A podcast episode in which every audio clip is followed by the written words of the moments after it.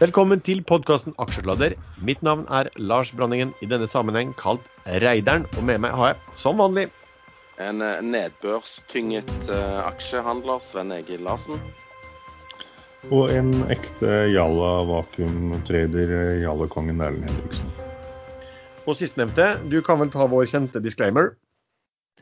Dere må gjerne høre på oss. Eh, også gjerne gjøre handler ut fra det dere mener at vi har sagt fornuftig. Men hvis det går helt galt, så må dere ta blamen selv. Vi ringer råd. Dersom du hører på hva vi sier her om markedet, aksjer, enkeltaksjer og livet for øvrig, er ansvaret helt og holdent ditt eget. Når vi spiller inn programmet, så kan vi si feil informasjon. Panel og panelets gjester kan være lang, kort, direkte eller indirekte eksponert i aksjer, selskaper og produkter som omtales i programmet. Uh, starter med deg, Sven. Uh, du har blitt uh, interessert i høyprosa du, og foreslo at du skulle ha opplesing av, eh, av eh, noe. Hva var det du har lyst til å lese opp eh, i aksjesladder? Nei, Kapital kom jo med sin årlige Norges 400 rikeste-liste forleden. Og, og kunne jo egentlig bare gått raskt gjennom de 400 og kommet med noen små kommentarer til, til hver person og, og hvordan de har blitt så rike. Det er ikke, dette er kjempespennende. Det er, dere er bare misunnelige fordi dere er fattige. Ikke sant? Ja, hvilken plass var det du sa du sto på, Sven? Nei, jeg er, ikke, jeg, er, jeg er ikke på den listen. Jeg er på den spanske listen. Nei da. Eh, men eh, jeg ser jo her at Fredriksen leder med 114 milliarder, og nummer to på listen er han eh, tigergutten Halvorsen med 56. Så det ser ut som eh, Fredriksen kommer til å vinne dette racet her, da. For det, det er vel den som går eh, Altså den som logger av med, med høyest formue, som da vinner til slutt. Men jeg, jeg beit meg merke i noe. Nummer 59 på lista. Der har vi en gammel kjenning i, i programmet som vi har snakka litt om de siste ukene. Det er um, Mr. Helge Gåsø med 5,45 milliarder, opp 1,75 milliard fra i fjor. Eh, men fortsatt gidder han ikke å kjøpe disse NRS-aksjene. Så jeg, eh, jeg vil bare rette en stor takk til Sparebank1 Market, som eh, tok og snakket positivt om eh, NRS og, og Frøy. Sånn at jeg fikk solgt de med en hyggelig gevinst nå i uken som var. Så takk for meg. Og Helge, ja det er sikkert kjekt med så mye penger, men tenk litt på de du lurte ut i, i eller opp i stry her i forbindelse med dette oppkjøpet av NRS. Så da slutt på krokodilletårnet fra traderen. Ja, nå er jeg bare egentlig skuffa. Bare skuffa. Okay, Men på eh, andres vegne, da. Jeg er egentlig rimelig fornøyd sjøl. sympatisk av deg, det der. Nesten uventet. uventet Nei, men skal vi gå videre på den listen her, da? Eller skal vi bare drite i det og bare la de velte seg i, i seddelbunkene sine? La de velte seg i seddelbunkene. hva er en milliard i dag, da? Altså, like mye som det var i går, tipper jeg. Nei, men altså, Vi er jo bare misunnelige. De har altfor mye penger, og de vet ikke hva de skal gjøre med alle pengene, tror jeg. Ja. Så det vi kunne, Hvis vi hadde høytlesning, så hadde det blitt litt sånn med høytlesning med innbakt krampegråt mellom hver. Ja, eller vi kan se Spetalen er nede på 78.-plass, og det er sikkert han litt misfornøyd med. Så jeg tipper han prøver å komme seg litt høyere opp på listen. Og 78 er fredelig med 4,5 milliard, han òg. Så nei. Jeg tror ikke de eh, springer fra butikk til butikk for å handle ost på tilbud, for å si det sånn. Eller sjekke hvor de har billigst cola, liksom. Nei. nei. Du, ehm, skal vi se, Da starter vi med det vi bruker å gjøre, Sven. Det har jo skjedd mye i uken som gikk, og da har du sannsynligvis beveget deg en hel del i markedet. Hva har du gjort av eh, handler? Jeg, jeg har solgt mye. Jeg solgte Frøy, solgte eh, NRS. Eh, handla litt i den AC-teken etter profit-warningen, eller resultatvarsel som det heter på godt norsk. Og så har jeg eh, På mandag, når det var krakk Husker dere på mandag så var det litt krakk? Det gikk vel ned en 2-3 Og da kjøpte jeg faktisk litt aksjer eh, i Norge og regna med og håpte at USA ikke skulle falle noe særlig. Og de falt vel sånn eh, under 2% og gikk opp dagen etterpå, så det ble en hyggelig eksersis, det òg. Eh, men ja, jeg har handla litt denne uken, og det har vært litt gøy. For det har beveget seg litt og vært litt volatilt. Ja. Solgte den Kyotoen òg, for det ble, kom aldri noen avtale. Avtale? Skulle gå, skulle gå med avtale der. Ja, du lovet meg jo sånn Kyoto-avtale. Å, ja. Altså Googla Kyoto-avtalen, leste veldig mye om det og tenkte at dette er jo bra saker. Var for mange år siden, er det. OK. Ja. eh, Erlend, hva har du gjort? Eh, Jeg solgte faktisk ut alt på mandag da det begynte å rase. Um, Det var egentlig relativt enkelt valg. Jeg solgte til og med Naked i løpet av eh, kvelden, ettermiddagen. Hvis det plutselig skulle fortsette å rase, så, så går det hardt utover eh, den type aksjer jeg trader. Og hvis det snur opp igjen, så så er- man inn sånn noenlunde likt eh, som man solgte ut. Så det mener jeg er en grei forsikring. Eh, Så jeg har kjøpt tilbake eh, litt andre ting. Og, som eksempel, eller er det noe du vil snakke om senere? Det- Jeg har fått streng beskjed om å ikke å utdype casene, men jeg har eh, kjøpt litt Ensu. Eh, Det kan jeg snakke om senere. Og så har jeg faktisk eh, plukket litt i et av disse eh, tre vakuum, potensielle vakuumcasene som eh, går for tiden. Og de tre er eh, Seadrill, som jeg ikke tør å røre. Der er jeg stoler jeg ikke helt på om det virkelig blir en rekonstruering, eller om det plutselig kommer en melding om konking, eh, og kursen faller og faller. Men jeg har sagt litt eh, PRS, ProSafe. Eh, Det tar ganske lang tid, sikkert ut på nyåret, før eh, de er i mål. Men kursen ligger ned rundt 1 krone, og det blir konverteringer på ca. 1,20. Så da tenker jeg at i forhold til at folk tror at konverteringskursen sikkert vil være verdien, så kan det være en grei riskrevard på rundt litt over en krone. Men det er jo selvfølgelig ikke verdien. De som konverterer, er sikkert happy med langt under den kursen. Og Doff, som er den tredje kandidaten, der er det jo ingen som vet noen ting ennå, så den holder jeg meg foreløpig langt unna. OK. Uh, ja. For min del også. Uh, jeg har brukt det jo, jo, faktisk sånn som Sven. Jeg solgte meg bare noe ned i uh, NRS, og det var takket være Altså Det man har sett i det siste, er når det kommer eh, meldinger altså børsnoterte selskap, nei, eh, meglerhus eh, kommer med analyser, så går ofte kursen en god del på det.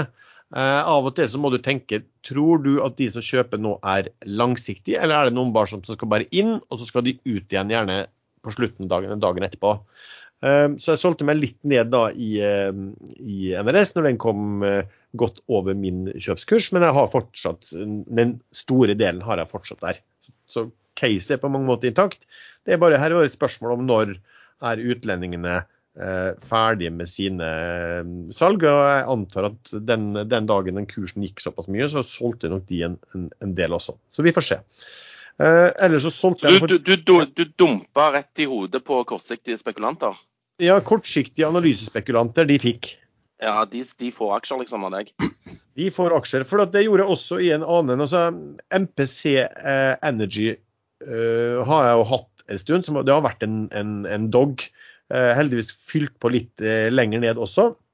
Men der kom det også analyse som gjorde at konkursen gikk opp ja, 10 Det som der skjedde, var jo egentlig at meglerhusene kutta kursmålene sine ganske kraftig. Um, men det var fortsatt høyt opp til det kursmålet da. Og så var det også avisartikkel på det, hvor det sto liksom at de roper kjøp. Og da gikk kursen en del på det. Og der var det også litt sånn at jeg satt vel egentlig og mistenkte at de som kom inn der, egentlig ikke hadde lyst til å eie den. Kom, de, de gjorde vel fordi at noen ropte kjøp, og så håpet de at de skulle kjøpe og, og finne noen andre som hadde lest det også. Så da um, solgte jeg meg faktisk ut der. Eh, men, og den kursen har glidd tilbake også. Eh, Men jeg kjøper meg fort inn igjen også, for det er noen ting med det case her som jeg tror man skal følge godt eh, med på. Um, hva ellers? Jo, eh, så vi skal jo snakke litt om det, men jeg gjorde helt en elendig um, vurdering i, uh, i det her uh, Acetec, som kom med profit warning. Vi skal ta det litt senere, men uh, der fant jeg ut at oi, her, de har falt så mye i forkant at her tror jeg skal prøve å satse på å fange en fallende kniv. Um, og det å fange fallende kniv, det, det er veldig gøy når du klarer det. Bare veldig sjeldent, og det gikk ikke denne gangen heller. Så da ble det ut der med skrubbstår og Men, men, men, men, men solgte du samme dagen som han falt kraftig? Altså på Det ble på onsdag? Ja, jeg solgte 75 eh, samme dagen, og så satte jeg meg med 25% og så solgte jeg den dagen Ja. etterpå. Ja. Jeg òg prøvde meg på den fallende kniven, men jeg eh, gjorde noe annet. Jeg stakk bort til en kompis og, og drakk øl, og bare kjøpte mer mens jeg drakk øl. Eh, og så gikk vi ut på byen og spiste og gikk på kasino, og så var jeg 45 000 i minus, eh, så jeg eh, på kvelden. Eh, men så våkna jeg litt seint dagen etterpå, og da var aksjen rundt 36. Så da var jeg plutselig opp 15 000. Så det var, jeg syns det var en god strategi. Jeg skjønte ikke egentlig at aksjehandling kunne vært så enkelt. Men du vant litt på kasino og gikk til rykter om? Jo, jeg gikk pluss der òg, ca. 5000. Så det er alt i alt eh, en god dag og natt. Eh, Strategien din når du spiller kasino, har du en bankers, eh, bankers tips å gi der? Uh, nei, men uh, uh, um, han som jeg var med, da, han liker godt å spille blackjack. Eh, eh, så da eh, ble det blackjack på meg òg. Og da er det jo bare å sitte og telle kort til den store gullmedalje. Og bare cashe inn litt og litt hele tiden, akkurat som på, på trading. Scalping. Ellers Nei, nei, jeg har ikke noe strategi. Det, det er på lykke og fromme. Det pleier å gå til helvete. Til slutt for min del, ellers så har jeg kjøpt hadde, jeg snakket jo litt sist gang om eh, Jeg hadde gjort noe regneark på supply, og kan, kan si generelt, litt sånn generelt om supply. Ikke mye. Og der har jeg kjøpt litt grann, uh, CM Offshore. Uh, men det, det er en fallende kniv. Og så har, har jeg kjøpt det er, Nå er jeg nesten litt flau, men jeg har faktisk kjøpt i, i, i dag og i går Doff. Så nå, nå- nå tror noen at, nå tror noen at jeg har kastet alle prinsipper og, og strategier over bord og, og gått og, og prøver å bli en elendig kopi av uh, Erlend, men jeg kan jo forklare litt etterpå, bare litt hvorfor. Ja, Den gleder jeg meg til å høre. Jeg hører, gleder meg til å høre den forklaringen. Ja, jeg, jeg, også, for jeg må, jeg må jo finne på den i løpet av sendingen, da. Kan du utdype hva du mener med en elendig kopi av Erlend? Er det deg det går på, eller er det meg det går på? Nei, det er jo at du er den, du er den, den, den, eh, som kan den type case. Og hvis jeg skal prøve å kopiere deg, så blir jo det stort sett eh, elendig. Eh, selv om jeg ble, jeg, jeg ble med sammen med deg en gang i Aksis, en gang, og det ble jo det ble jo hyggelig. Men det var jo bare flaks, det også, selvfølgelig. Så, Ja, jeg, jeg har kjøpt en båtlast med sånn naked-aksjer i USA da, for å prøve å kapitalisere på Jallakongens eh, fortreffelighet. Men Nei, jeg har- jeg har ikke er ute av Saga, da. Saga.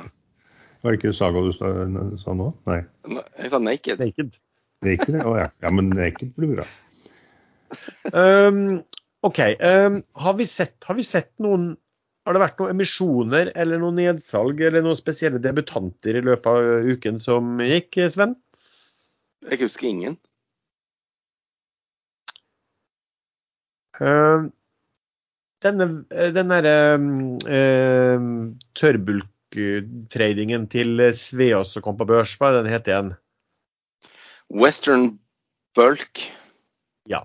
Som har kommet tilbake igjen på, på børs. Uh, skal vi se, når var det den gikk på børs, da? Den gikk vel på børs på mandag, faktisk? Ja.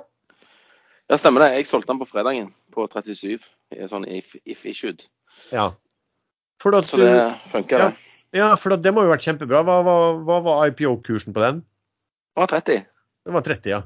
Men uh, det fikk jo uh, 5 tildeling. Ja.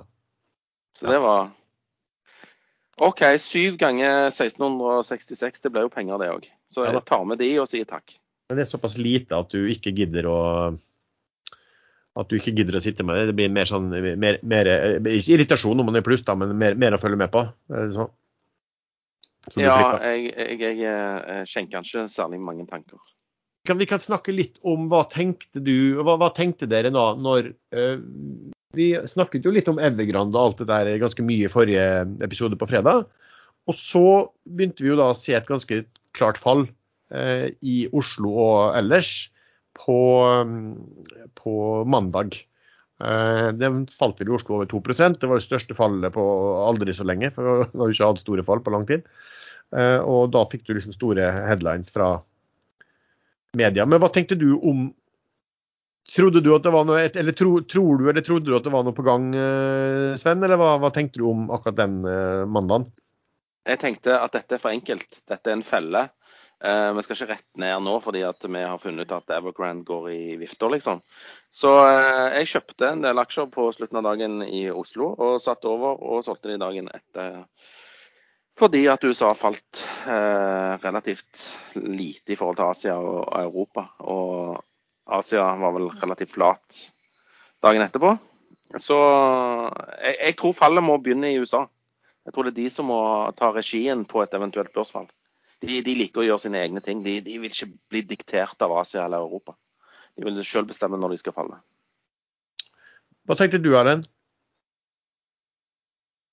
Nå ble jeg faktisk litt eh, busy her. eh, For eh, Sidril, som jeg nevnte i stad, at bare faller og faller, og den holder jeg meg langt unna. Den, et eller annet som har skjedd der, den er plutselig opp 21 Nå er den 14% så jeg vet ikke hva som har skjedd der. Jeg, ser ikke noe nytt. De har fått kontrakter på to drillskip med Petrobras.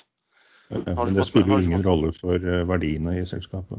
Nei, nei, men det spiller jo litt rolle for de som er investorer i selskap, eller investorer og investorer. De som treide aksjene, syns jo dette var veldig gode nyheter. Ja.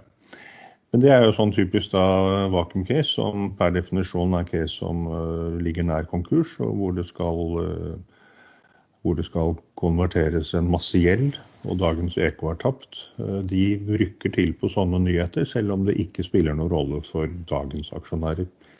Men det er jo det som er moro med hele caset. Men nå, nå, spurte Lars deg om hva du tenkte på mandag, og jeg eh, skjønner at det kan bli litt vanskelig for deg å huske så langt tilbake. Eh, så eh, jeg skjønner at du ja. prøver å snakke deg ut av spørsmålet. Det ville jeg òg gjort.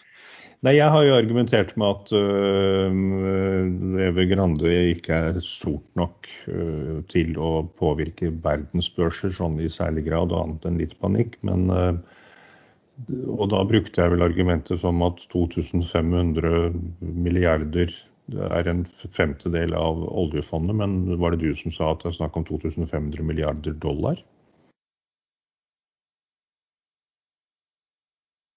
Det er faktisk 2600 milliarder dollar, ja. For det er jo dobbelt så mye som oljefondet.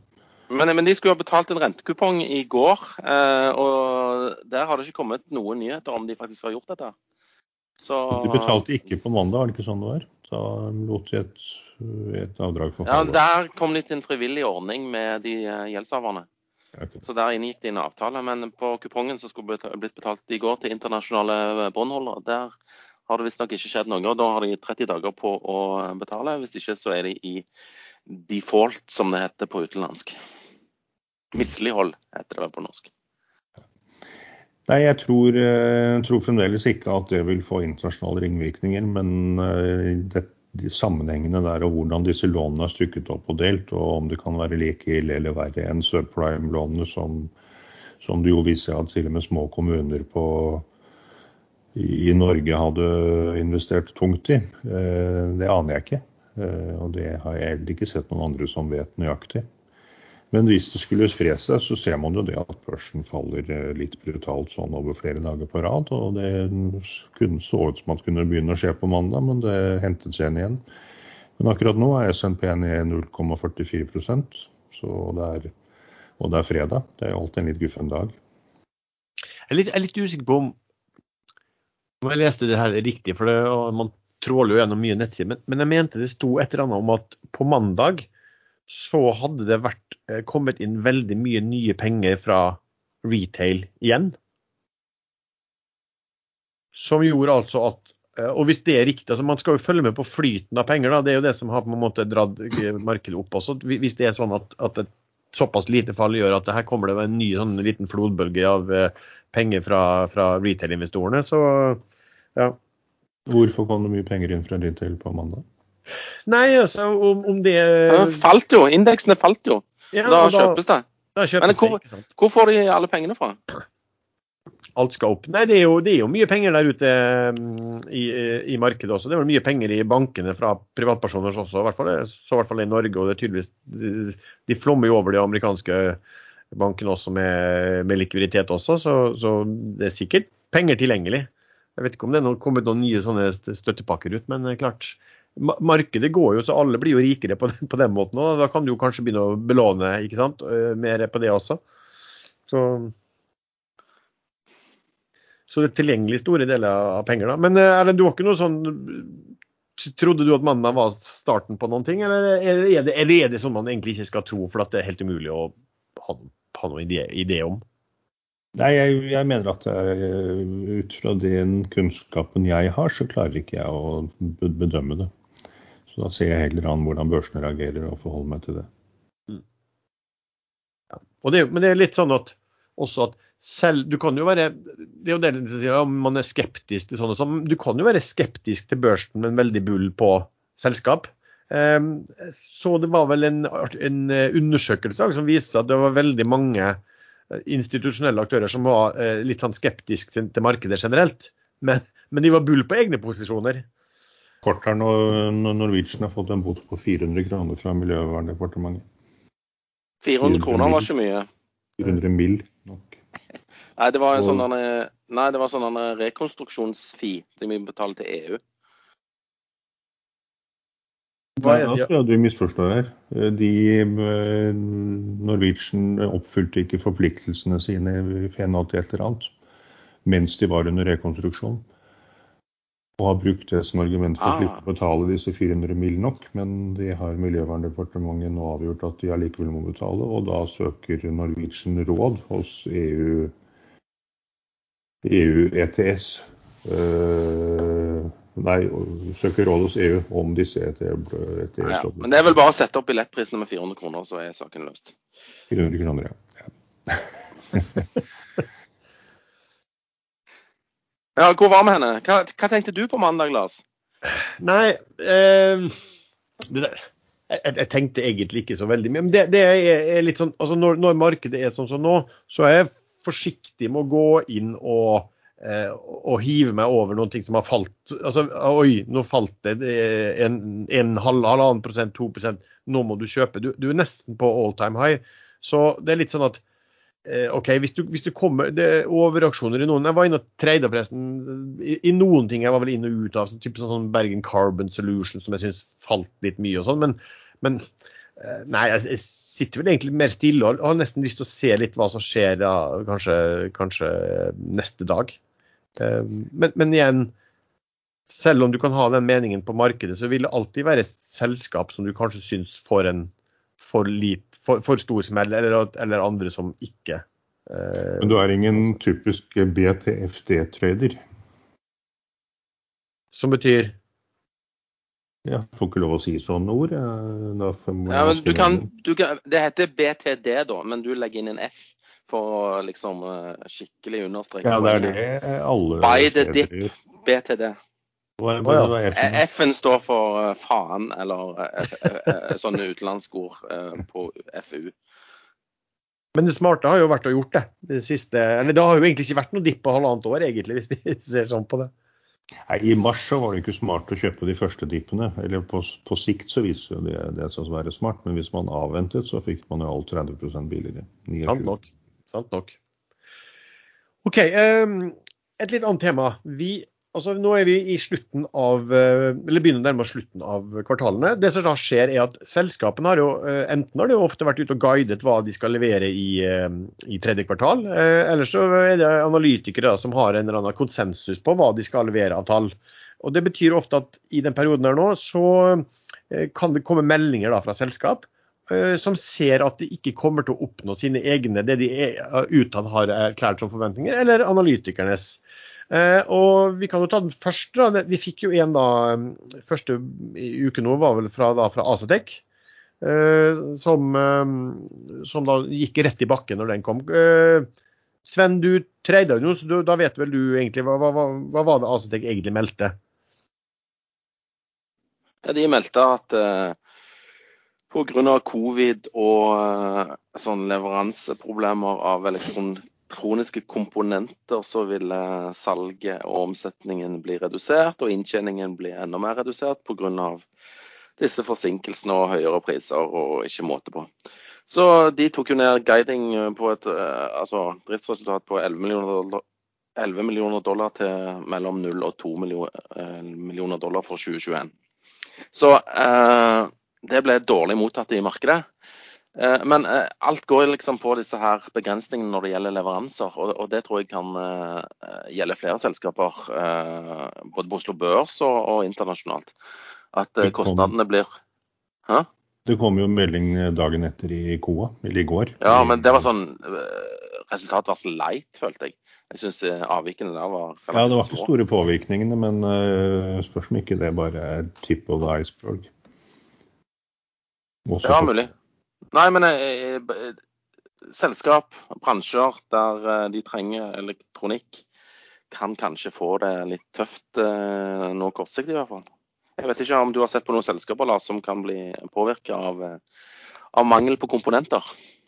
Nei, altså, jeg kan bare nevne KOA er litt interessant, da, for at de faktisk opp i dag. De hadde gått opp 10 eh, altså, nesten før de dagene. og så på to dager. Og så meldte de da eh, at de hadde en, en profit warning, og så er de fortsatt videre opp i dag.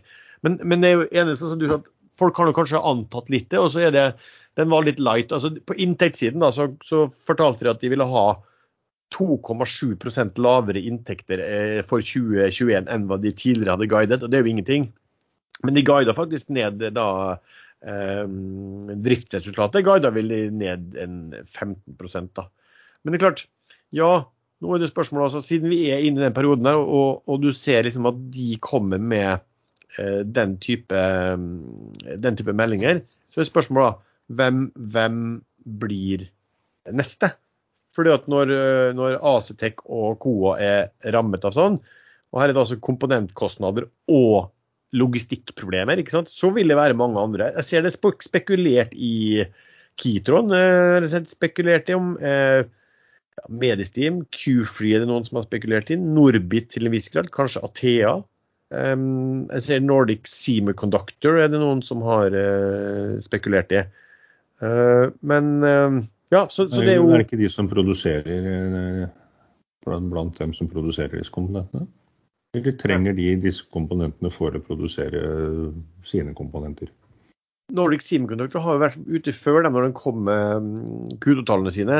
Så kom de vel ut og sa et eller annet også om at de, de trenger noe sånn eh, Eller noe Hva de sa de?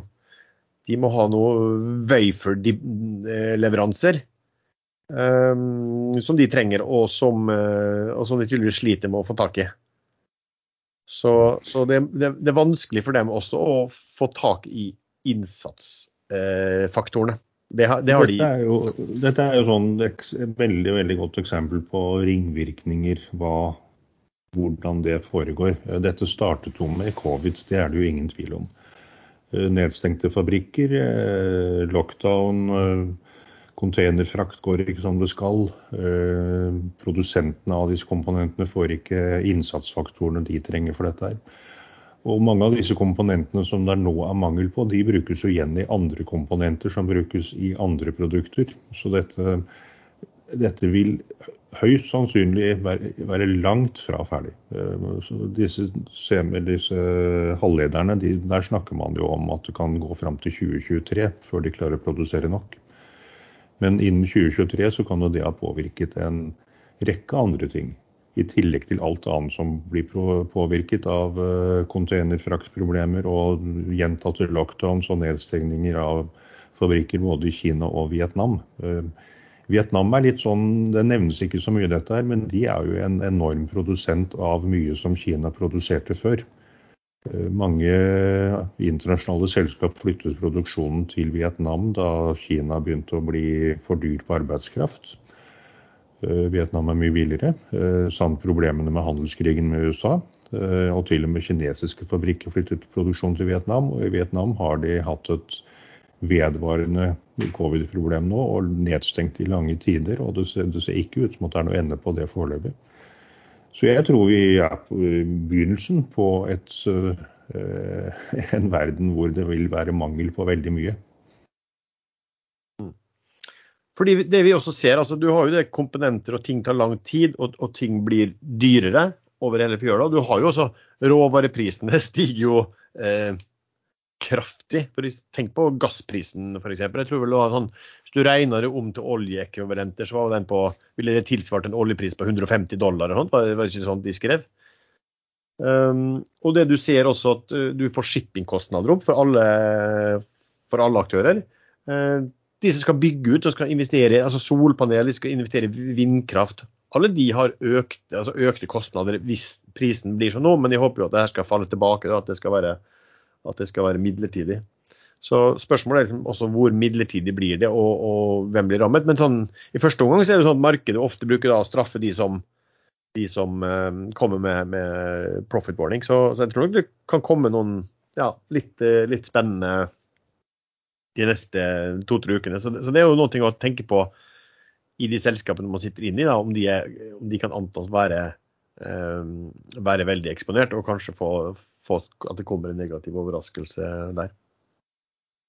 Uh, er, det, er, det, noen dere tenker på sånn, Sven, som du kunne tenke deg å vært i short i? i, i det er jo en mulig tanke. Skal man gå short i noen ting i, i håp om at det kommer en eller annen jeg ville jo tenkt at sånne selskap som lager PC-er og spillkonsoller og elektroniske duppeditter, bør få merke det. Men jeg vil jo tro at markedet allerede har tenkt på dette, så jeg er vel gjerne litt for sein til, til, festen.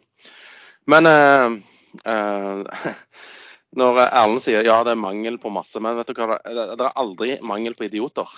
Eh, hvis, for det, det blir det aldri mangel på.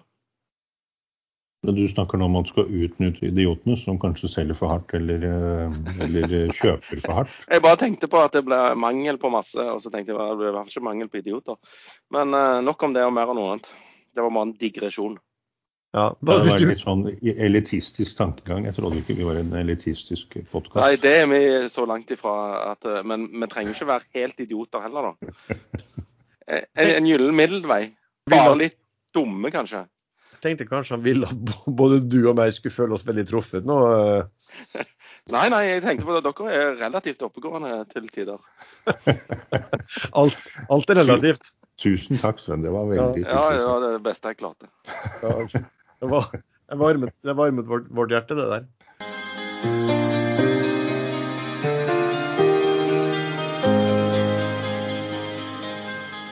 Denne episoden er sponset av IG.com.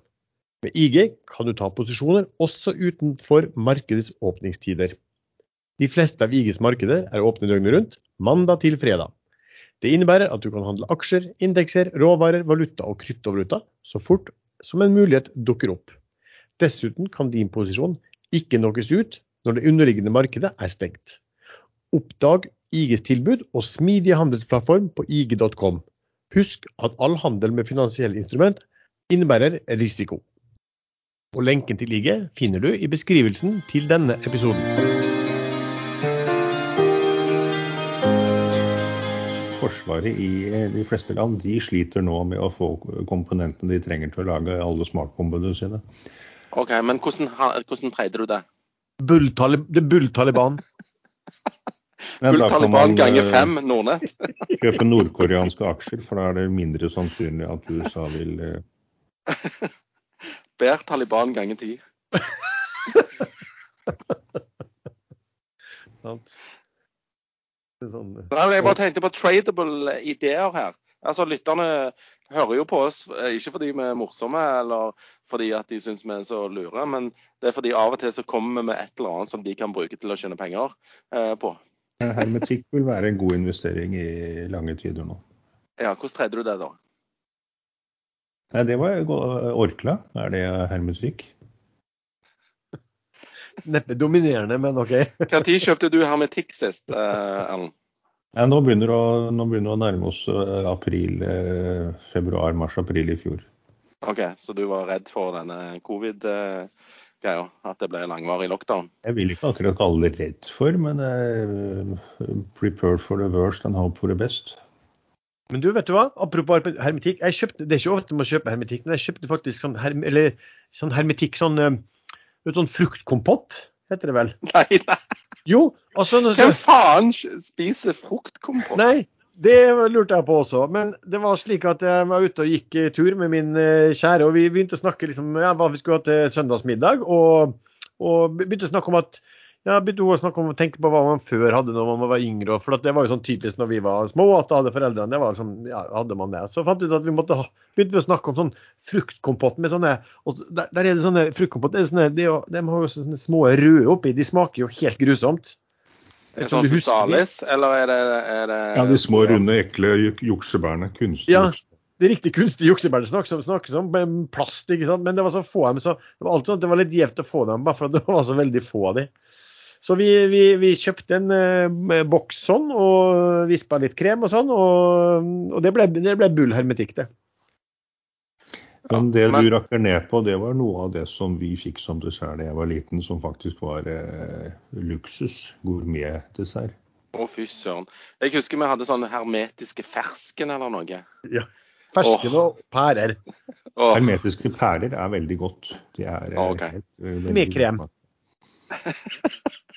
Men, eh, Men, og, eh, men, eh, men hermetikk det òg har jo endra seg. fordi at eh, Nå er det ikke lov å, å kalle joikakaker lenger. Jeg, har aldri spist joikakaker, for jeg syns det, det var jo reinsdyrkjøtt. og jeg, jeg har aldri vært fan av det. Men eh, de der hermetikkboksene er jo nå blitt sånne papp... eh, Papp eh, Ikke esker, men pappkartonger. Med joikakaker, som da ikke heter joikakaker lenger. Ja, Joikapapp. Ja, men det var òg en digresjon. Men eh, skal vi Nå har vel du fått tenkt litt, Lars, over hva for noen internasjonale selskap vi bør holde oss unna? Nei, ikke, fortsatt ikke. Jeg, jeg slengte ut en sånn tanke når jeg så alt det jeg kom, om at eh, Nordic Semiconductor har gått noe voldsomt opp. Eh, og, eh, og at de kanskje da, hvis de fikk en smell, så er det ofte at da er forventningen deretter. Men, men jeg så at de hadde guida veldig sånn, de hadde skrevet om det og hadde gitt en veldig stor range på hva de skulle ha inntekter i Q2, nei Q3. Sikkert nettopp for å på en måte unngå der også. Og, og dessuten, det, det selskapet her er sikkert jeg shorter jo svært sjelden, og det shorta de, så hadde de sikkert kommet et eller annet sånn latterlig høyt bud på de dager etterpå. Men hadde du noen ideer, siden du var så ivrig på det, på hva, hva du skulle gjøre i utenlandske selskap? Nei, men jeg, som jeg nevnte, sånne PC-produsenter, Dell, men de er vel ikke på børs eh, lenger. Og Lenovo og den gjengen der, de må jo føle litt på, på marginpresset, tenker jeg da. Og, de som lager TV og sånn, Samsung og alt dette her. Samsung må vel være en sånn short her. De bruker jo enormt med sånne komponenter. Det gjelder vel alle bilprodusenter òg? Ja, sikkert. Og Apple òg. Men jeg, nå kjøpte jeg, eller bestilte jeg akkurat en, eh, en sånn iPhone 13-sak. Så det virker som de kan levere fortsatt. Hvis vi går tilbake til bilprodusenter, jeg hørte om en av de store som nå produserer eh, biler på løpende bånd, men uten den komponenten eller de komponentene de nå ikke får tak i. Det er jo definisjonen på å ta høy risiko. Hva hvis de ikke får tak i de komponentene før neste bilmodell skal ut i markedet? Ja, hva slags komponenter de mangler da? Bremser? Nei, det, er jo, det går jo rundt halvledere, og det, okay. biler er jo fulle av det. Ja. Så ja, nei det Det blir mye ringvirkninger ut av dette her. Det ene tar det andre, og så plutselig så blir noe rammet som ikke vi har tenkt på engang. Flyproduksjonen blir jo helt sikkert rammet. eh, Men det har ikke vært noe stort problem nå. Men eh, det kan jo dempe oppstarten igjen. Blir ikke mulig å få kjøpt julegaver. Alle beholder pengene og bruker sette pengene inn i aksjemarkedet i stedet. Vi får et enormt julerally. Nei, det blir, alle kjøper reisegavekort, for nå skal folk ut og reise. Jeg, jeg, jeg sitter jo på terrassen i Spania her nå og kikker utover regnværet. Eh, fullt fly med Norwegian på tirsdag eh, ettermiddag. Helt fullt. Ja, og i Folk har lyst til å reise. Ja, og nå begynner det vel å åpne opp skikkelig. Det gjør de vel eh, her også. sånn at det blir, ja, jeg vet ikke, Du må vel ha, sikkert ha sånne vaksinepass og alt der fortsatt, Sven? Ja, måtte det. Måtte det. Men er det ikke kanskje litt sånn tro, håp og kjærlighet og fullt noen dager nå? Jeg fikk akkurat en mail fra booking.com med tilbud om, om 30% rabatt på første bestilling innen 36 timer. Hvorfor skal de gi 30% rabatt hvis, øh, hvis det er ekstrem rift om, om feriestedene? Eh, Fordi at nå befinner vi oss i en sesong der eh, vanlige familiefolk eh, går på jobb og sender barna sine på skolen, mest sannsynlig. Er det noen som gjør det? Jeg tror vi skal, det. Jeg tror vi skal si at nå holder vi på å befinne oss litt ute på vidda i forhold til hva vi kanskje bør, bør snakke om. Ja, men Dette var jo relatert til reiseliv og, og, og luftfart og sånn, sånne ting. Det Ja er jo litt relevant. Ja da, her, her med, Men rabattkuponger på booking.com, det er vel ikke så relevant? OK. Vi, vi har vært et par viktige møter da, i uken som har vært noe med først altså Fed, sentralbank, amerikanske sentralbanken, de har hatt møte. Og, og norske, Norges Bank har møte. Sven, hva har kommet ut av de? For første gang på lenge så gadd ikke jeg engang å følge med på Fed-møtet, for det hadde de allerede sagt på dette Jackson Hole-symposiumet hva de skulle si eh, på neste møte. Det er at eh, de starter med tapering i november, eh, og det var vel ingen bombe. Og aksjemarkedene steg etter at eh, Powell hadde fremført sine, sin tale. Så eh, ingen overraskelse der. Heller ingen overraskelse at eh, Norges Bank satte opp styringsrenten med 0,25 prosentpoeng. Så alt er vel som venta, egentlig. Kronen burde vel egentlig styrke seg mer, for det kommer jo flere rentehevinger. og Globalt så blir jo denne rentehevingen trukket fram, da, for det er den første liksom etter covid. Så Norge er fortsatt eh, langst, lengst fremme når det gjelder eh, veldig mye, og eh, rentehevinger. Så altså at det er jo slik at, at Norges Bank bruker å operere med sånn De guider på en måte om rentebanen på noen år framover. Og den rentebanen hadde jo også økt nå. sånn at de, de Jeg husker ikke hvor mye det var. De skulle jo være på ett ja, ett-tallet i 2023 eller et eller annet. 1,40, 1,50, et eller annet. Jeg husker, det var ikke så mye om å gjøre, da, men de har i hvert fall økt den rentebanen eh, noe forventet rente. Men det, det som er veldig interessant å se, er jo at det er tydeligvis sånn at når Fed har disse møtene, så har de en masse øh, direktører, ikke? Sånne, altså de har sånne, sånne lokale øh, Fed-sjefer rundt omkring, og, og styremedlemmer og alt der, som, som stemmer over om, om man skal f.eks. igangsette tapering og gjøre de tingene. Eh, og så lå det ute noen ting hva, der du har en del som har altså, møt, møterett, tydeligvis, men som ikke stemmer. Eh, og det da viste seg at de som da ikke hadde stemmerett, de var i mye større grad eh, haukete. Det. vil si at de var mye klarere for å igangsette eh, tapering nå, enn var de som faktisk fikk lov til å legge en stemme som talte. Det er som i en Jo, vanlig familie, det hvor eh, barn og andre som ikke tjener pengene, vil dra på de beste, flotteste stedene lengst borte, mens pappa og kanskje mamma, som tjener pengene, prøver å se hva det koster først. Hva tror du de hadde stemt eh, hvis de hadde hatt stemmerett? Da hadde de Jeg tror at de hadde stemt det de trodde at aksjemarkedet helst ville de skulle stemme. Ja, riktig. Så det er veldig lett å ha det synet eh, når eh, det ikke betyr noe. Da. Og så er det verre å ha det hvis du blir eh, eh, hvis du blir lagt hardt press på fra eh, alle mulige investeringsbanker og alle mulige synsere på, på TV. Men, men Biden har fortsatt ikke utnevnt ny Fed-sjef. Skal tiltrå i februar. Eh, Vi begynner- vi er langt på overtid egentlig i forhold til vanlig kutyme. Det meste tyder på at han er ganske fornøyd med Powell. Ja, det er to, eh, to retninger. eh, Så han må liksom please innad i partiet sitt. Så det blir spennende å se om det faktisk blir en annen. Det er hun dama, eh, tror jeg, som jeg ikke husker navnet på eh, akkurat nå, eh, som er den andre kandidaten. Men da kommer Biden sikkert ikke til å uttale seg før han har fått gjennom disse eh, pakkene sine, infrastruktur og alle andre skatteøkninger osv. Eh, For da trenger han ikke å please disse andre lenger. Da må han bare tenke på neste valg.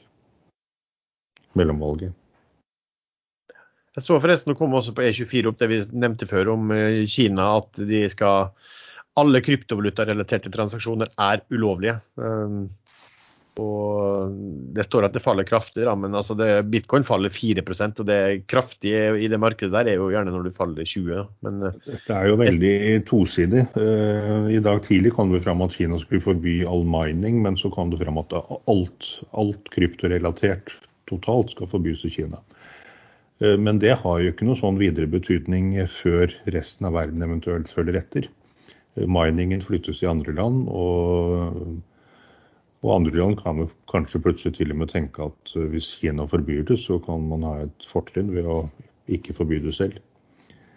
Så det faller nå, men hadde det virkelig vært katastrofe, så hadde ikke bitcoin tatt med 5,68% men med 40 Er det ikke disse søramerikanske landene så, eller mellomamerikanske landene som har begynt med disse å, å, å trykke krypto til sitt bryst? Så kanskje dette er en idé for Venezuela? De har jo, sliter jo med forskjellige ting. Ja, men Skulle ikke Venezuela holdt ikke de på å skulle lage en sånn egen kryptovaluta? da? Ja, eh, Bare finne opp hjulet på nytt. Eh, de- altså, Start sånn kryptomining og noe greier eh, oppe i fjellene der. Ja, men de, sikkert bra. de skulle lage noe sånn Venezuela go, oil gold token eller et eller annet sånt. Petroro eller noe sånt. Pet, Petoro, et eller annet sånt het den. Den laget jeg allerede for et par år siden. Tror du, ja. Men det er, det er et godt argument, og det er jo vår fjerde paneldeltaker Erlend Arnøy som kom med. Eh, krypto er faktisk eh, interessant for alle fattigere land som har en stor del av befolkningen i utlandet som sender penger hjem. For i dag forsvinner det sånn pluss-minus 20% i gebyrer på veien fra utlandet hjem for de pengene. Så det vil øke, øke verdien av pengene som sendes hjem for de landene som mottar dem. Så det var vel et av argumentene El Salvador brukte for å godkjenne bitcoin som betalingsmiddel. Men, det kan, men det burde enkelt kunne løses, for å si det sånn. Eh, det er jo Jo, sånn, det synes jeg er veldig enkelt med krypto. I hvert fall på bitcoin er jo sånn at, er ikke det sånn at fortsatt at den er nesten ubrukbar som betalingsmiddel. fordi at En ting er at den varierer så mye, men det er så ekstremt dyrt eh, å få registrert en ny transaksjon. Ja, det er riktig, og så tar det tid. Bitcoin er jo et veldig tregt betalingsmiddel. Ja. Det er fordi regneprosessene, miningen er jo regneprosessen rundt å godkjenne en transaksjon. Eh, Det er mining. Og de som miner, de får da betalt i nye bitcoin. Eh, Og i og med at det skal utstedes et maks antall bitcoin, så blir det, de regneprosessene i utgangspunktet eh, mer og mer kompliserte. Sånn at det vil ta veldig lang tid å mine den siste bitcoinen. Men eh, nå med en gang Kina stengte ned eh, miningen nå sist, slo ned på den i sommer, eh, da ble regneprosessene, vanskelighetsgraden ble kraftig redusert. Sånn at antall nye bitcoin som kommer ut i markedet, eller prosentandelen av det som er igjen, den, den holdt seg stabil. Så det systemet det viste faktisk hvor godt det bitcoin mining-systemet fungerer. Den justeres automatisk ut fra forutsetningene. Men jeg var inne på en bar her nede i Spania på onsdag. Eh, og, og der sto det et sånt skilt 'Bitcoin accepted here'. Og så tenker jeg på eh, Den transaksjonen kommer jo til å ta litt tid, da. Så da er du jo ferdig med det du da har bestilt eh, i, i baren. Så Ja, du har lukket drukket det? det for lenge siden. Ja. Og baren risikerer jo at verdien har halvert seg eller doblet seg eh, før du er ferdig med å drikke opp. Ja. Jeg skjønte ikke helt hvordan det praktisk skulle gjennomføres. Ja, disse mottakerne som spekulerer i at de bare tar dem imot og beholder dem. Det er det som Ja. har vist seg fram til nå at det har vært det mest lønnsomme. Men i, når vi aksjesladder, når vi starter egen bar, eh, da blir det jo bare, bare kryptobetaling. Da. Podbar. Blir det sånn pool, pool dancing i baren vår, eller? du blir drømmende nå.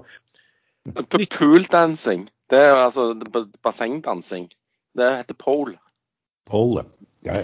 Jeg er ikke så flink på disse o-ene og uttalene. Ja, har, du botsene, har du tatt på deg botsene dine i dag? Nei, jeg har kuttet bots. Jeg, boots, jeg bruker bo- bots nå. Bots. Nå kjenner jeg at Lars begynner å koke i toppen. Oljeprisen stiger jo, um, og um, etterspørselen tar seg opp. Uh, OPEC er vel litt uh, ja, forsiktige med å skru på kranene. De har vel holdt fire millioner fat tilbake igjen fra markedet, og det skal de sakte ta opp. Uh, men så var det, her kan det jo skje mye, men det som vekket min interesse, var jeg leste en artikkel nå i Financial Times uh, som, der det sto om uh, shale og comeback for shale. Eh, og det her var faktisk litt interessant, fordi altså, det, det man har sett, det er jo masse, masse shale-aktører som har tapt av penger i ti år. Uh, og de måtte vel omtrent, de som var børsnoterte, måtte ha lovt aksjonærene sine at her, nå skulle du ikke være så ivrige på å, på å investere, på å bore nye eh, brønner, de skulle prioritere cashflow, bla, bla, bla. Men så viser det seg at det er da veldig mange eh, små aktører som ikke er børsnotert, som er shale-aktører i USA. Og de, de er ikke like enige. De, de, ser nå for seg at siden de store er tilbakeholdne, og oljeprisen går opp, så har de sin store mulighet. Så de har skrudd på nå investeringer for fullt. Eh, for det så var at Normalt sett da, så har det vært sånn historisk at når Shale har vokst, så har disse her stått, de, mindre har stått for ca. 20% og de store børsnoterte for 80% av økningen. Men nå, økningen nå, så står jo de bitte små her, eller de mindre her, da, de står for over 50% Så Shale er vel forventet da, eller USA var forventa neste år å øke med, eh, med 800 000 fat per dag. Og disse småshale-aktørene de skulle komme med over 400 000 fat per dag. Og hva, altså, Da får vi jo en litt annen sånn i forhold til shale. Tror vi at de store shale-aktørene klarer å holde seg rolig mens de ser at de små begynner å skru på borevirksomheten igjen? Hva tenker du om det, Sven? Nei, jeg, jeg vet ikke. Men jeg, jeg syns de bør holde den der skitne fracking-olja si borte fra markedet. Den er miljøuvennlig. Vi vil ha eh, grønn olje sånn som vi har i Norge. Det er mitt eh, standpunkt. Jeg liker ikke sånn skeil. De ødelegger for oss på Vestlandet. Sør-Vestlandet. Men sånn historisk sett så har vel de store gnidd seg i hendene hver gang de små overinvesterer, for da får de kjøpt dem billig når de konker. Det er jo sånn de nå har blitt så store at de i mesteparten av Shale? Nei, det er nok ikke helt riktig på Shale. For, for Shale så, så, fikk du mange som, som kjørte i gang og som henta masse penger, og som ble børsnotert. Eh, så det er de, måte, de børsnoterte som i stor grad drev dette her framover. Tok opp enorme lån og den biten der. Så, så, Men har ikke de store tapt er uhorvelig med penger på dette? Det var jo nettopp en transaksjon der Shell eh, solgte eh, masse assets der borte i, i USA. De har tapt, ja, de har tapt så mye. ikke sant? De aktiverte jo og, og, og husker jeg så på dette her en gang også, hvordan de aktiv, altså når de tok i gang bruk nye landområder, og de aktiverte jo hvor mye de regna på at de skulle dra og produsere olje i framtiden på sånne eventyrpriser, og hvor langt ned i produksjonskostnadene skulle komme. og alt der. Nei, De har tapt masse, Sven. Det er helt riktig. Men det er klart at... Statoil tapte jo masse. Jeg sier Statoil, for det het Statoil da de investerte. Men, men, det som er klart at på oljepris da, på over 70 dollar fatet, så begynner jo regnestykket å bli ganske bra. Og, og, i hvert fall nå mens de store da er ikke noe særlig investeringsmodus, så er jo sikkert investeringskostnadene eh, ikke så veldig store da, for de aktørene ennå, i hvert fall. Skal vi se, Nå har vi fått en hel masse spørsmål fra eh, lytterne. Det syns vi er veldig gøy. Um, første spørsmål om, og jeg tror ikke du nevnte det, men jeg mener at du hadde gjort noe i den, eh, eller hvordan det var, Sven. Eh, Skitude. Hva, hva skjer der? Det skjer vel veldig lite i Skitude før snøen kommer. De, de, holder jo på med sånn app eh, for eh, kjøp av skikort og alt dette. Men eh, det er en stor selger i aksjen. Eh, han har vel eh, rundt en million eh, aksjer igjen. Så på fredag, forrige fredag så satt jeg og tredje der på ettermiddagen, og så så det gikk noen blokker, eller ble gjort oppmerksom på at det gikk blokker. Og det var jo på Reto som tok denne her på børs, og IPO-en var vel for så vidt suksessfull, men han har Falt og falt og falt og falt. Eh, og lite nyheter for selskapet og alt dette her. Eh, men så ringte jeg bare inn til Pareto. Ja, er det dere som gjør blokker på, eh, på 330? Ja. Hvor mye skal du ha? Ja, 100 000. Nei, jeg kan ikke få 100, men du kan få 200. Fordi at de var interessert i å, å, å, å tømme han selgeren. Så da tok jeg de 200 på 330, og så bare pumpa de ut på 342. Og så fikk jeg sånn sint telefon. Kan ikke holde på sånn. Men jeg sa at det kommer jo krakk på mandag, og eh, børsen stenger om ti minutter. Jeg må jo bli kvitt disse aksjene igjen. Så eh, jeg fikk ut med mesteparten, men jeg satt med litt igjen på mandag, da, som jeg solgte på Even. Men det eh, skjer lite i selskapet. Men det er stor selger, ca. en million aksjer igjen. Um, et spørsmål som, her er et spørsmål som, som jeg vet er interessant. Altså, hvilke vurderinger gjør vi eh, før vi tar inngang i en aksje? Sven? Ja, jeg kan begynne med den. Uh, nei, jeg tenker alltid exit uh, før inngang. Altså utgang før inngang. Hvordan skal jeg komme meg ut igjen? Altså Hvis jeg har uh, tanker om det og en, en plan, så, så, går jeg inn. jeg går ikke bare inn for å gå inn. da skal det være veldig kortsiktig trading. Men mitt tips, tenk hvordan du skal komme deg ut før du går inn. Erlend? Ja, jeg gjør det samme som Sven, faktisk. Um, men jeg tar jo ofte aksjer som eh, blir veldig illikvide i perioder.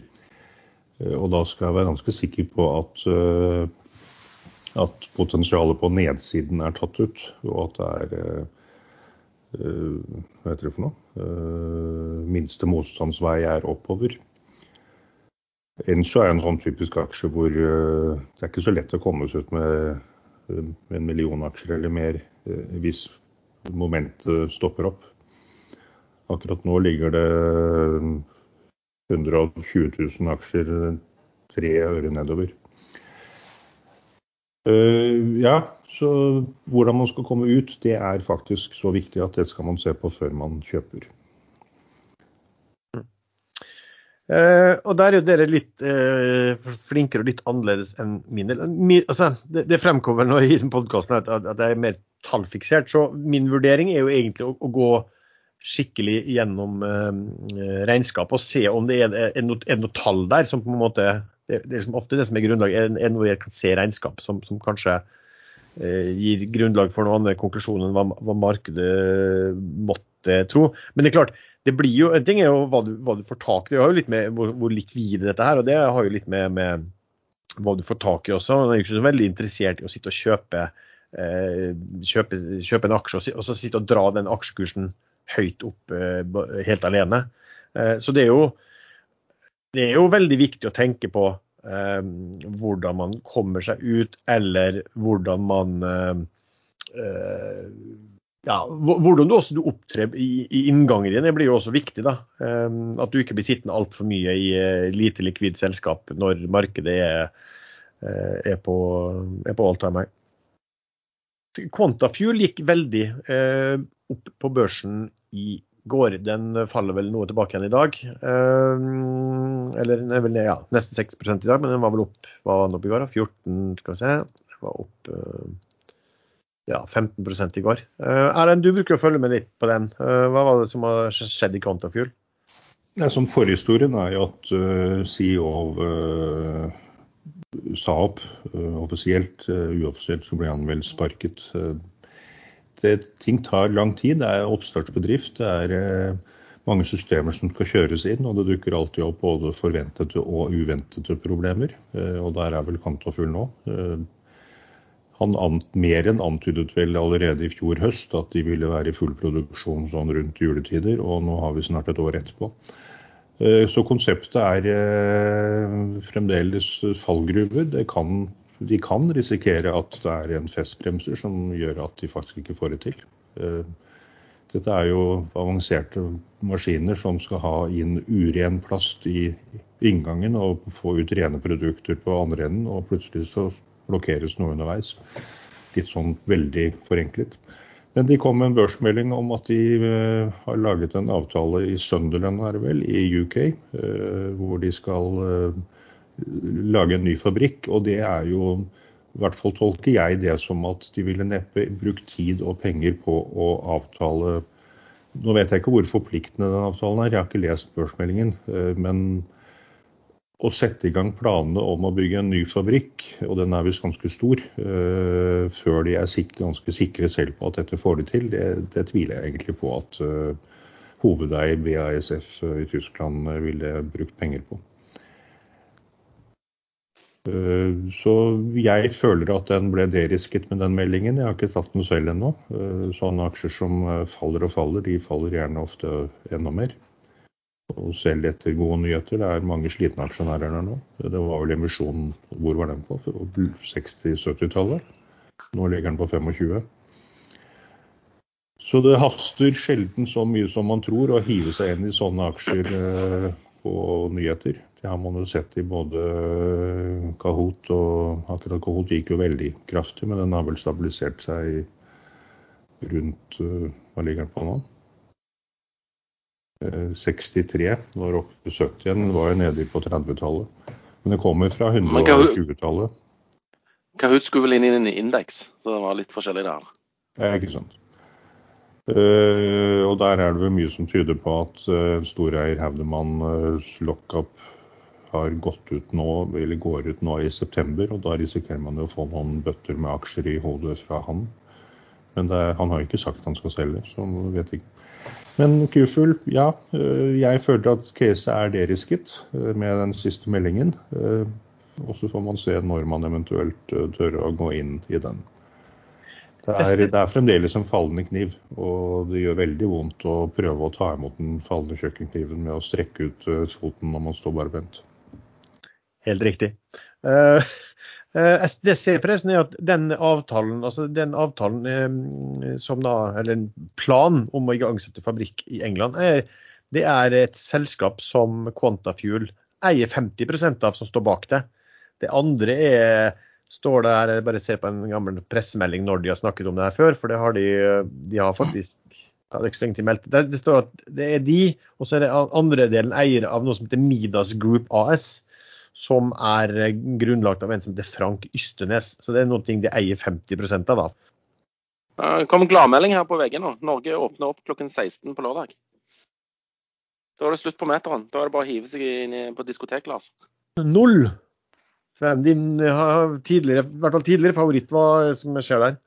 Ja, nei. How the mighty have fallen. Eh, apropos 0-0, så så jeg Barcelona mot eh, Cadiz i går, eh, og det òg endte 0-0. Nei, det er, Null må hente penger, så styr unna og vent på emisjonen. Eh, de har antyda og holdt på å forsnakke seg på Pareto energikonferansen her i var det forrige uke, eh, at de må gå til markedet for å hente penger. Så det kommer en emisjon, så bare vent på den. Ok. Um, Erlend, eh, Rana Gruber. Følger du med på den? Det er ikke sånn veldig, men kursen gikk jo høyt og på stigende jernbanepriser, og de ble jo satt jo ny all time high. Eh, Men som jeg nevnte allerede i vår, var det vel, så kan Kina fort ta noen grep som gjør at kursen, eh, jernbaneprisen faller kraftig, og den er nå nede på 90-tallet, så vidt jeg husker. Eh, 90 dollar tonnet er det vel de sn- snakker om. Den var vel på 220 eller noe sånt. Så det tar stort sett veldig kort tid for jernbaneprisen å komme seg opp til all time high, sånn historisk sett. Og så tar det veldig lang tid, ofte mange år, før den eh, tar seg opp igjen etter at den har falt. Så den var vel nesten nede. Den datt vel nesten ned på tidlig emisjonskurs, som noen kommenterte. Eh, var vel sikkert på, eh, på mandag. Men, eh, men, men det er ikke helt riktig. For at de, de har jo gitt utbytte fem-seks kroner i utbytte siden de gikk på børs også. Så, så sånn sett har det uansett vært en, vært en veldig bra. Men de hedget vel en del av produksjonen ved å forhåndsselge til en fastpris på ganske, ganske pen kurs, men det var vel ikke mer enn 10-15 Men øh, Rana Gruber er veldig veldrevet, og de tjente jo penger eh, før jernbaneprisen steg så kraftig. Så øh, jeg tviler på at det er noe stor fare for dem, men blue sky-scenarioene kan man nok legge litt på is. Ja, jeg har fått spørsmål om tank. Eh, Det er vel ikke så mye å si at de, de ratene er vel rock bottom der. Eh, Og så Nå bare siterer jeg hva jeg leste med han, fra han Ole Rikard Hammer, som er jo eh, flink i tankmarkedet i Arctic. Eh, Han sa vel egentlig at nå hadde ratene skutt, opp, skutt i været den siste uken, da, spotteratene. Men eh, det hadde også å gjøre med, med at bunkerskostnadene var, var steget såpass mye. Så, så sånn netto for uh, inntjeningen til rederiene, så betydde det ikke noe særlig. Men så er det jo sånn at de ehm, nå, gjorde vel han et kjøp, det kom vel en eller annen frontline-sjef som kjøpte ganske mye aksjer i går. Eh, og så er det jo sånn at man Nå er jo oljeforbruket i ferd med å uh, ja, hente tilbake um, bortfallet etter covid. Så, men fortsatt så, så er produksjonen og transporten uh, mye lavere.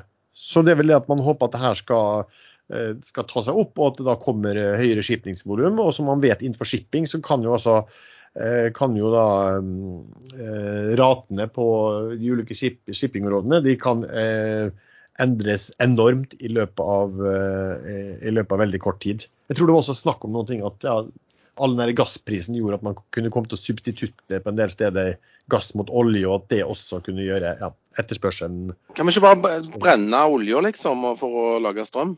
Det, det er ikke det en god idé? Det er sikkert billigere det enn å bruke gass. Ja, men det, det er enkelte plasser de, de, begynner å brenne olje for å lage strøm.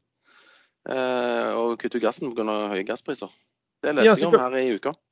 Gassprisen er jo da i, i oljeekvivalent dobbelt så høy. Ja, ja. Så da har de begynt å brenne olje istedenfor. Sven, har du vurdert en politisk karriere? Du kunne jo blitt sjef i MDG med det forslaget der. Men eh, altså Det er strømmangel. Da brenner vi olje. Og så tar vi og frakter olje. Jeg tror tankaksjer kommer til å bli mitt eh, tips for neste uke. Kan vi gå rett i taket i de tankaksjer. Norge åpner klokka 16 i, i morgen. Og da kommer sikkert andre land til å følge på. Så eh, det, dette blir bra. Renta opp, Norge først. Åpne opp, Norge nesten først. Det var forresten... Du sa vel at uh, tankratene var rock bottom nå. De er vel, de er vel fremdeles positive. Rock bottom tankrater er jo negative. Husker dere den episoden uh, som vi hadde der liksom Kan det liksom brukes til å frakte eller lagre olje? Da var vi, da var vi på toppen. Ja. Nå føler jeg vi er på bunnen. Og det er Ja. Men det er faktisk en jeg tror det var en kjent sånn, sånn um, investor nå husker jeg ikke hvem som, som sa et eller annet om sånn sykliske. og Det er jo type, det her er jo den type syklus. At, liksom at når eh, du skal kjøpe når eh, altså type ratene, prisen er elendige, og du skal kjøpe når de går fra elendige til dårlige, og du skal fortsette å kjøpe når de går fra, fra dårlige til gode. Men når prisene går fra gode til fantastiske, da skal du ta exit. Men, men hvor er vi henne nå? Nei, er vi ikke vei på Vi må jo være på elendige hvis det er jo nesten eh, null, nullrate på, eh, på der. Og så er det kanskje litt på vei opp. Kanskje det begynner å nærme seg at det går fra elendig til dårlig, da. OK. Ja. ja, for de hadde jo gått opp litt. Så da har de jo gjerne beveget seg i riktig retning. Ja, men sånn som jeg forsto det her, det er mulig at jeg misforsto det, men, men, det at uh, i, i de ratene så har du ofte en indeksering i forhold til bunkerskostnaden. Eh, og når bunkerskostnaden eh, øker, så øker, så øker altså raten automatisk på det. Nå var det veldig mange parametere å ta hensyn til her, syns jeg. Ja, men, men, altså, eh, bunkersoljen gjorde at raten gikk opp. Så med nettoet til bedriften til, så ville bunker, Hadde bunkersoljen holdt, prisen på den holdt seg lavt, så hadde ikke ratene kanskje steget. Så det var sånne elektriske tankskip som gikk på batteri? Og frakter batterier? Nei, olje selvfølgelig, som vi kan brenne. Jeg er eh, prinsipielt helt uenig i at oljeforbruket skal øke. I hvert fall ikke over 99,99 ,99 millioner fat om dagen. For gjør du, gjør det, det, stiger det til 100, så taper jeg tre kasser vin. Ja, det er vel noen som har sagt det. Men du, du vet, altså statistikken på olje, hva som produseres og hva som konsumeres, eh, er, er veldig usikker alltid. Ja, men altså, De som vil ha, ha vindkassene, de må dokumentere dette ordentlig. Du får gjøre som, du får gjøre som, du får gjøre som disse her, mm, republikanerne som hadde hatt Hva var det i Arizona? Jeg så det sto en artikkel der i dag at de hadde hatt liksom, var det tre opptellinger, og til slutt så fant de noen ordentlige crazies som skulle da gjennomgå dette og skulle finne noen Se om det var noen sånne eh, bambusfiber fra, fra Kina til bruk i falske stemmesedler. Jeg tror det var sånn at de var ferdige nå.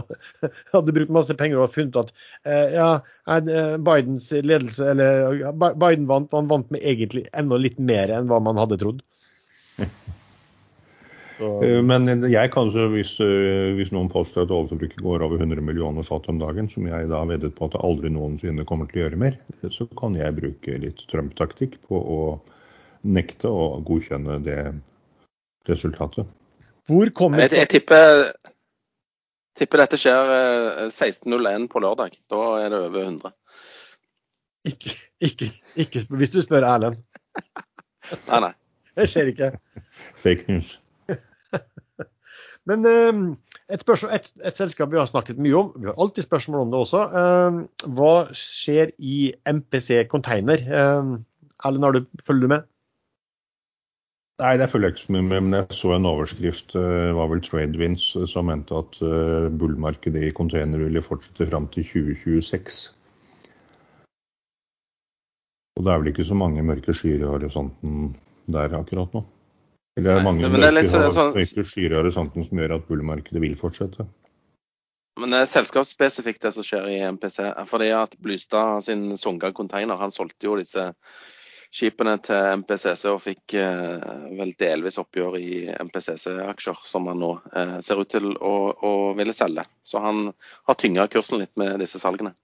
Stemmer det? Han men at han gikk under 5, under 5 Ja, jeg kan eh, slå opp her mens Lars kommer med noen gullkorn og se hvor mye han har igjen. Omsatt for 88 millioner kroner i MPC foreløpig i dag, på fire timer. Det, det var bare det at um, eh, Jeg husket at de snakket om eh, Det var jo et stort nedsalg der for en periode siden. Noen som har tjent noe voldsomt der. Eh, og jeg er bare litt usikker på om de da hadde mm, fått noe lockup. Jeg mener Noen snakket om det også, at det var en stor aktør der som, eh, som hadde, ville ha lockup og ikke kunne selge videre der. Skal vi se om det står noe om det. Jeg ser inn på. Jo, det står det. Altså Det var jo et stort da, nedsalg i Det husker man kanskje, da datt kursen ned på 18-tallet. eller noe sånt, og Det var, skjedde i eh, 1. juli, faktisk. Eh, og de har da eh, en ja, stort antall aksjer.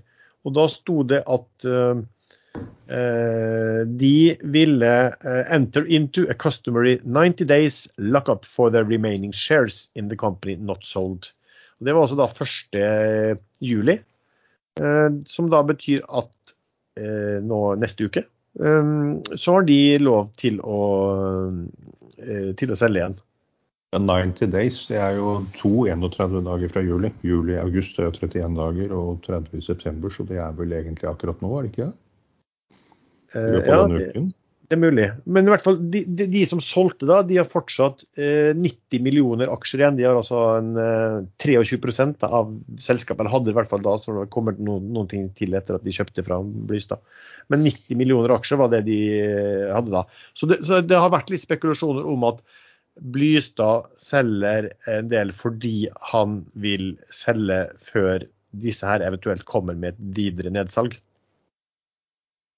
Det kan jo være, sikkert være noe i det. Eh, Men hvis det viser seg at Blystad fortsetter å selge, også etter at de andre eventuelt selger, da skal man nok uh, ta signalene på alvor. Hvis en som kan tank så godt, nei, eh, container så godt som Blystad fortsetter å selge. Ja, han har bare 20 millioner igjen, da. 20 millioner aksjer. Songa Capital. De andre, de andre hadde jo 90 igjen. Da. Men det, det man kan tenke på da, er at altså, hvis du tenker at det er en stor aktør som, som um, er i, uh, i MPC, og, så, og dette er shipping, så kan det, altså, det, det er jo ikke sånn at du, du klarer jo ikke å time noe topp der. Det kan godt være at det er smart av de, å mens det ennå er et godt drag i markedet, selv om det kan være god oppside, så kan det godt være at det er smart å få, å få solgt litt ut. For det, det, sagt, det er ikke sånn at den dagen du har lyst til å selge alle dine, så er det ofte ingen som har lyst til å kjøpe den på noe i nærheten av den prisen du kunne drømme om. Så det, det, trenger ikke å bety noe sånn spesielt der. Eh, Annet spørsmål som du henleder oppmerksomheten på, Erlend, var det har kommet et spørsmål om Magnora og Evolar. Hva er det, hva er det man spør om? Ja, nå er det jo børsmeldt vel at Evolar, har i hvert fall så er blitt snakket om det, at de skal børsnoteres. Eh, Når det skjer, vet jeg ikke. Eh, Men det er jo det selskapet som av analytikerne har fått noen sånne sinnssyke blue sky-scenarioer i. Hvis alt klaffer, så er det veldig mye verdt. Og dette snakket vi litt om eh, da vi eide Carbon. Carbon Transition. eh, At en del i Magnoria-ledelsen og styret vel også sitter i Carbon Transition. Så om, om de kanskje kan være interessert i å gå med i IPO, eller kanskje før en IPO, inn i det selskapet. Men eh, ja, det er jo å synliggjøre verdier eh, når man skiller ut et sånt selskap som, som standalone-selskap kan dra veldig høyt. Og de kommer vel sikkert til å beholde en viss andel i det Evolar når de skiller ut. Men noe særlig mer enn det, eller noe mer enn det, kan jeg ikke om dette. Jeg tror de, de var vel via opsjoner at de var sånn at de kunne eie noen av 60 eh, hva skal det, i eh, Evolar. Og så var det noen meglere som snakket om at den kunne bli verdt en, en milliard hele Evolar ved en børsnotering. Men det er klart, sånt er jo veldig usikkert, da, det, det vet du ikke. Og, og, så har det også vært hinta om at Q Jeg vet ikke om de snakker om Q4, men i hvert fall Q1 neste år kunne det være at den kom som en, en uh, notering. Så er det jo med børsnoteringer uh, Hvis markedet generelt ikke er modent for uh, å hente inn penger, så blir sånt utsatt. Faen dyrt å være med på denne podkasten, altså. Det, det, det, var en megler som ringte meg her om jeg ville bli med i, i et nedsalg, i, eller blokksalg i Norcod på 115. Og så kunne ikke jeg ta telefonen, for jeg sitter jo og spiller inn eh, podkast. Og så sendte jeg bare mail. Er det noe spesielt? Ja, eh, nedsalg i Norcod 115 eh, skal du være med. Ja, jeg kan ta 10 000 aksjer, sier jeg. Og så svarte han to minutter etter mailen. Og så Nei, det er for seint. And it's gone. Ja.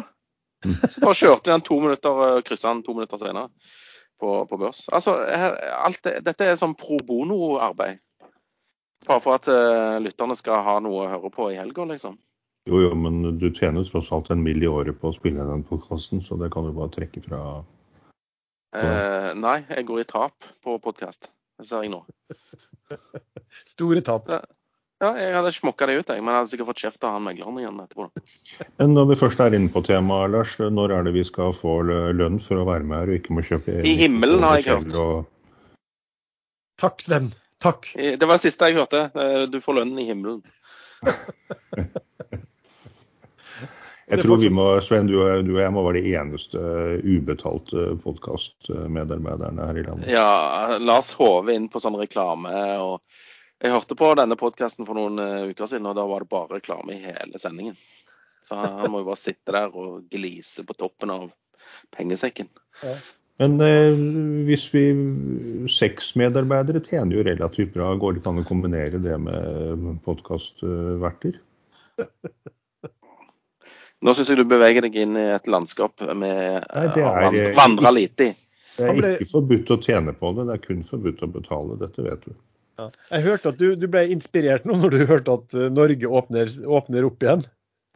Se der, Nå kommer det børsmelding på Observe òg. Uh, eh, reopening. Men det er mulig bare action som åpner opp igjen. Sånn er det. Nei, OK, skal vi komme oss videre til om uh, dere har noen uh, favoritter, da, eller noe spesielt dere ser på som i uken som kommer. Sven? Jeg har tenkt hardt og lenge nå i et kvarter på hva jeg skulle si nå. Jeg har ingen ideer. Jeg er skeptisk til markedet. har vært det lenge. Og Dagsnytt er 07. futuresen i USA er litt slack. Men Lars overbeviste meg om at tank er det vi må kjøpe nå. For nå er det så god natt at uh, det er sikkert lurt å kjøpe. Og uh, land åpner opp, oljeforbruket vil gå opp, det kommer til å bli mye mer reising. Uh, folk skal ta igjen veldig masse. Jeg tror oljeforbruket kommer til å skyte rett i taket. Og da kommer det til å være nødvendig å frakte olje og lagre olje og alt denne biten der. Så jeg sier frontline. Kjøp frontline. Uten noen mer analyse. Jo, jeg er alltid tidlig. Så bare vente litt, og så kjøpe Frontline. Erlend? Ja. Øh, denne En Search, tidligere sin film. øh, Hadde du ikke den siste uke òg? Jo, men da sa bli litt kjedelig. Da, da, sa jeg at jeg ikke tok den, for jeg forventet at det kom til å komme nedsalg fra, ah. fra de som løste inn uh, Warrens. Uh, men det har vist seg at det skjer ikke. Uh, de aller fleste kom på hendene til de store som er store i selskapet, som sitter veldig stille. Så de økte eksponeringen sin kraftig uten å selge. Og da er det bare noen uh, få prosenter igjen av alle de beverene som blir innløst, som er på private hender. Og noe av det selges nok ut, men kursen har stabilisert seg og vippet litt opp. Så da forventer jeg nå at uh, det nedsalget ikke kommer. Uh, og at det da kan bli kursstigning på forventninger til nyheter som er forhåndsannonsert utover høsten. Og teknisk sett så ser den veldig pen ut. Mm. Noe mer enn den? Ja, eh, jeg har faktisk tatt litt i dette Prosafe som et vakuum case.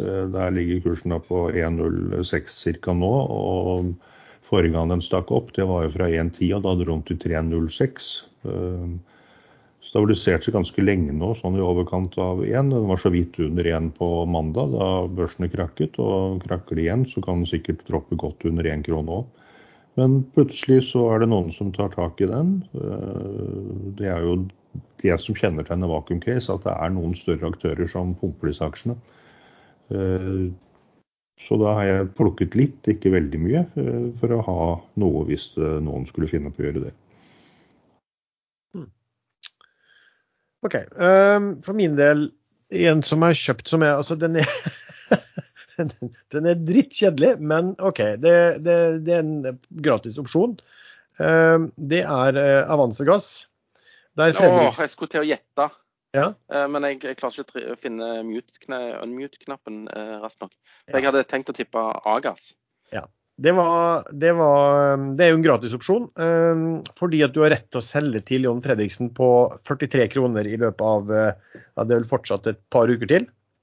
Hvis jeg husker jeg skal jeg løper til 12.10 klokken 16.30. Da har du lov til å selge til han på 43. Eh, kursen ligger nå på jeg kjøpte på 43, for da tenkte jeg at OK, da mm, har jeg ikke noen nedside. Og dette er en gratis opsjon på at et eller annet kan skje i løpet av den perioden der. Jeg ser det plukkes noen, og ja, i dag har det vært plukka fra 43 og opp til 43,06. Det ligger mye volum å plukke på rundt 43 eh, og litt over. Ehm, jeg vet ikke hvem det er. Det er tydeligvis ikke Fredriksen hele tiden. For det, det, det kommer jo ikke noen børsmelding fra han at han har kjøpt aksjer den eh, dagen for dagen. Men OK, det, det er gratis eh, opsjon, og kanskje man kan få noen øre på det. Og kanskje kan det skje et eller annet som Ja, du har i hvert fall, har i hvert fall en uh, gratis tidsperiode, for å si det sånn. Så det er vel den som er tatt, uh, har tatt en del i. Um, ja, ellers så jeg snakker, ja, Jeg kan, kunne bare nevne altså, um, Supply. For det, det, er mange som er interessert i Supply nå. Og jeg ser Havila er opp i dag 27 Hvorfor er den det? Uh, nei, altså jeg, jeg sa jo at jeg lagde regneark, og så kjørte jeg bare sammenligning mellom de ulike i forhold til alt mulig gjeld og, og inntjening og bokførte verdier og alt det her. Uh, men det var bare for ett kvartal av Q2. Nei, altså Det man sier der, er at det, det ser teknisk bra ut. Eh, noen har vel sagt at den var, var billig. Eh, det kan ikke jeg si av tallene eh, på noen som helst måte at den er i forhold til de andre. Bare basert på Q2 så kan det endre seg veldig. Men det er klart at det, det har vært et, et, selskap som har en veldig liten børsverdi. Den har vel rundt 100, 170 millioner nå, og halvparten er eid av Sævik. Eh, men, men, eh, reelt sett så tror jeg man an, kan bare anta at den børsverdien er dobbelt så høy, fordi det ligger noe gjeld der som er eh, litt skjult, og som gjør at man kan få, få halve selskapet, konvertert til halve selskapet mot, mot den gjelden. Så, men, men, i hvert fall, det gjør at det er interesse. Jeg vet at det er veldig mye interesse for Solstad Offshore også. Det er store grupper på Facebook som, som følger den tett også. Ehm, så det er bare, når jeg gjorde den regnestykket der, så så, så jeg på at eh, CM Offshore eh, var, i forhold til de andre, hadde en vesentlig bedre inntjening i forhold til børsverdi. Jeg gjorde faktisk det regnestykket at hvis man har noe som heter EV EBITDA, at hvis eh, bare basert på Q2 CM skulle prise, CM Offshore skulle prises likt Havila, så skulle børskursen steget 700 Eh, men det blir bare sånn tulle, tulleberegninger, og det er ikke noen, det er ikke noen sånn seriøse analyser. Helt på. Altså, supply og sånn, det har vært elendig masse år. Vil, for min del så vil jeg si at jeg tror reelt sett at de, de alle, kanskje alle, eh, de, i hvert fall aller fleste, reelt sett har negativ egenkapital. Det betyr egentlig at det er en opsjon, da. Så er de voldsomt giret de fleste av de, og det er klart at kommer da marked, Hvis man tror markedet kommer tilbake, så kan jo sånne aksjer gå noe voldsomt. Og, og Havila-kursen har vel nå gått ja, 200 på, på ikke mange ukene. Men, men, det er vel ikke noe spesielt fundamentalt i forhold til de andre der. Så for å si det sånn, eh, forsiktighet Altså, jeg eier veldig liten del av min portefølje i eh, Supply. Eh, det er en mer sånn ja, morsom greie enn noe som helst conviction. Uh, og så kan jeg nevne at jeg hadde kjøpt da Doff, Doff også. Eh, det var litt interessant når jeg så på de tallene at hvis, hvis du sammenligner med de andre supply-selskapene, så er jo Doff kommer jo Doff eh, bedre ut enn en, en de fleste, foruten Siem, i forhold til hvordan de har en inntjening i forhold til sin gjeldssituasjon. Men den er jo uavklart, og der er det, sier långiverne at eller de selskapet jobber med långiverne at de skal ha en stor restrukturering eh, en gang i framtiden. Den forskyves hele tiden. Og så har du fått et sånt aksjonæropprør som har skaffet seg 25% av selskapet.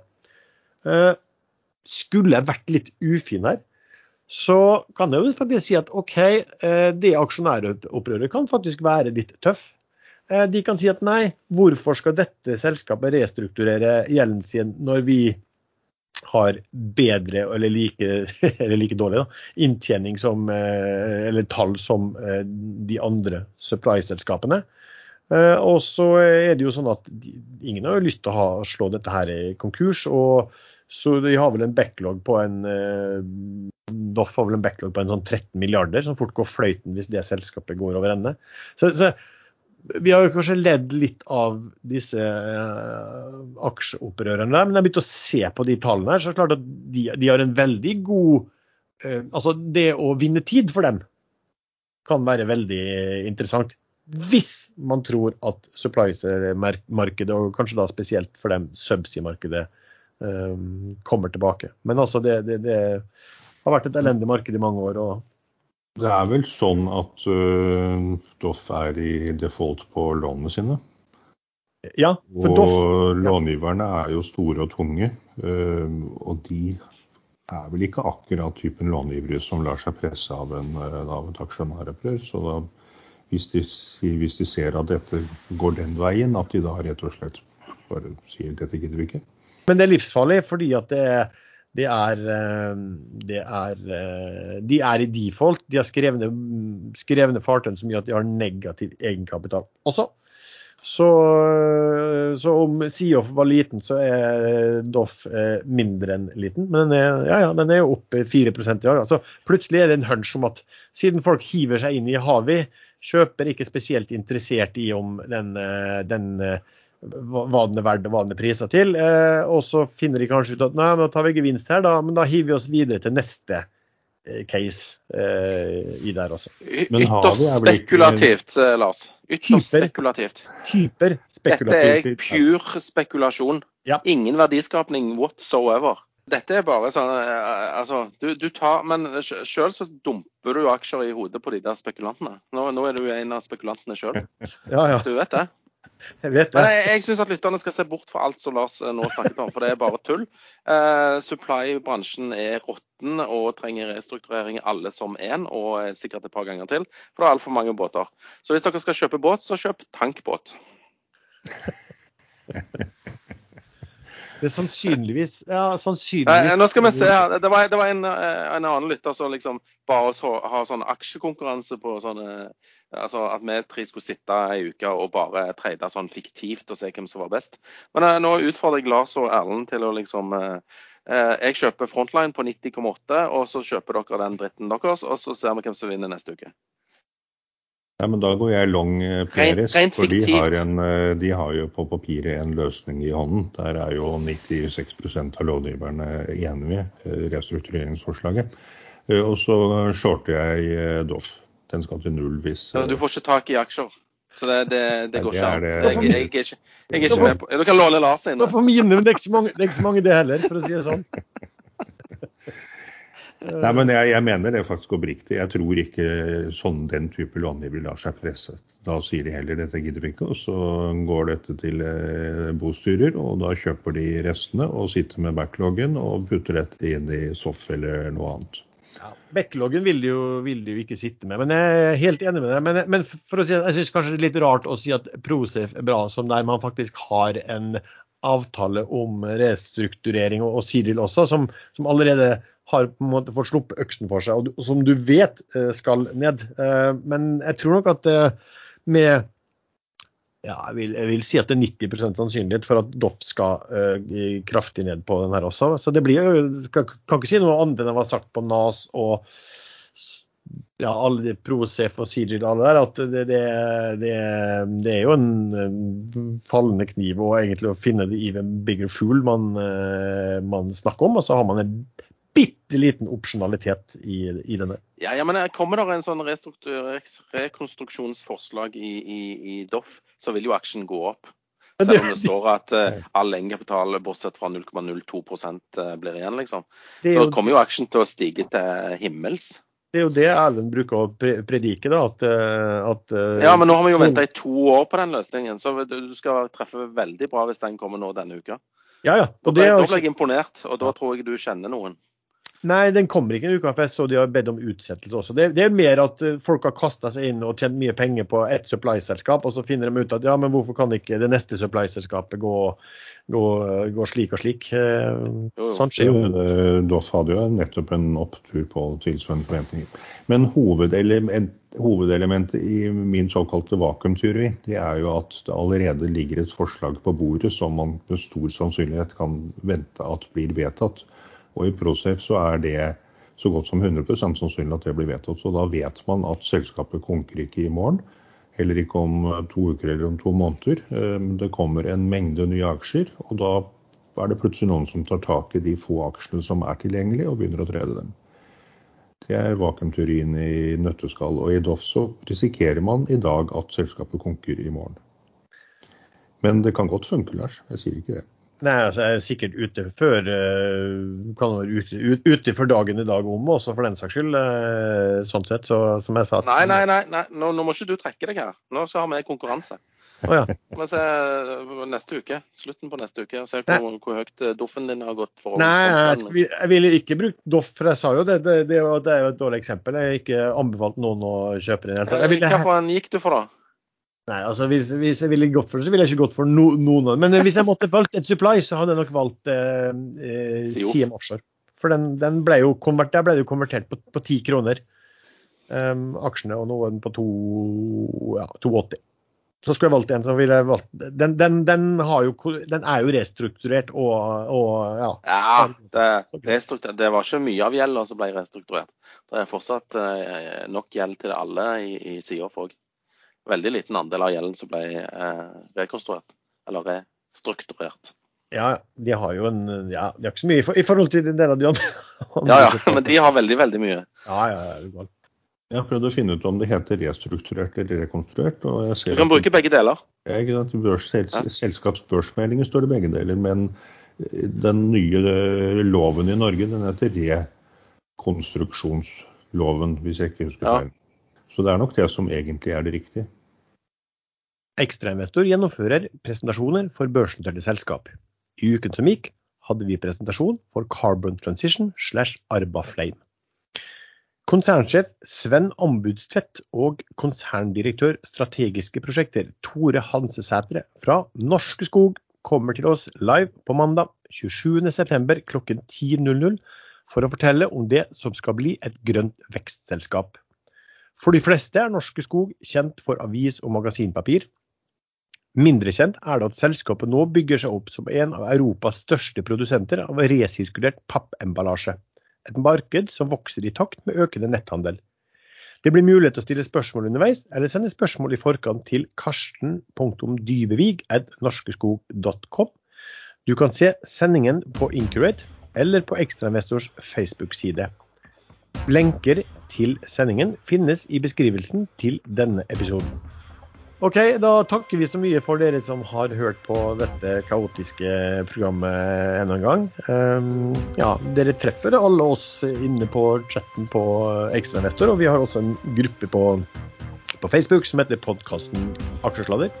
Musikken er som vanlig laget av eh, og vi høres.